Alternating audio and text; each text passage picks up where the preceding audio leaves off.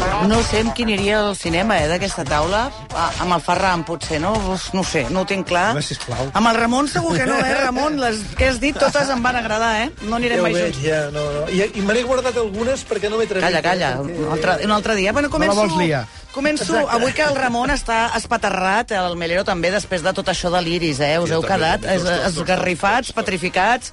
En fi, començaré passant llista. No tenim aquí a la Cayetana Álvarez de Toledo, Peralta, Marcos, però sí que tenim en Ramos, Ferran... Ramos. Ai, Ramos? He dit Marcos. Tenim en Ferran Casas i Manresa, en Xavier Melero i Merino, en Ramon Rovira i Pol, Anna Gómez i Marsol, i en Xavier Domènech i Sant Pere. Ho he dit bé, no? Doncs vinga.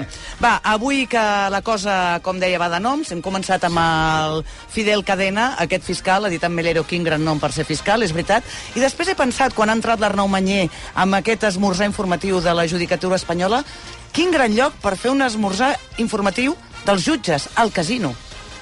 Pots jugar a pòquer, pots jugar a la ruleta, mm, pots fer pirules, vaja.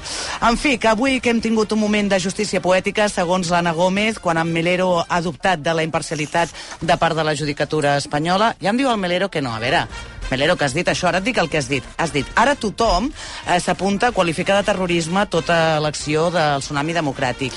Sorprèn aquesta unanimitat. Bé, doncs l'Anna ho ha llegit com a justícia poètica, però si és bonic.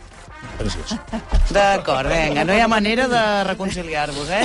Molt bé, conceptes que avui s'han dit molt per no repetir-nos més, barbaritat en relació amb lo del tsunami, desprestigi, en fi, una mica reiteratiu tot plegat. En Ferran ens ha dit que els temps doncs, no són casuals, que la reactivació del cas tsunami va vinculada justament a l'aprovació de la llei d'amnistia. En Xavier Domènech, que va més enllà, diu que el que es vol és desprestigiar la protesta social.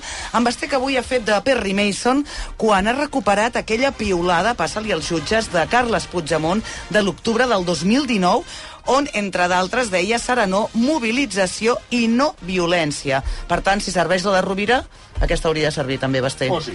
Molt bé, i acabem amb una frase del Melero. Va, vinga. La frase final d'avui, eh, amb tot allò que hem parlat de terrorisme, tsunami democràtic, bla, bla, bla, és eh, aquesta desmesura desacredita el delicte de terrorisme. Quan tot és terrorisme, res no és terrorisme.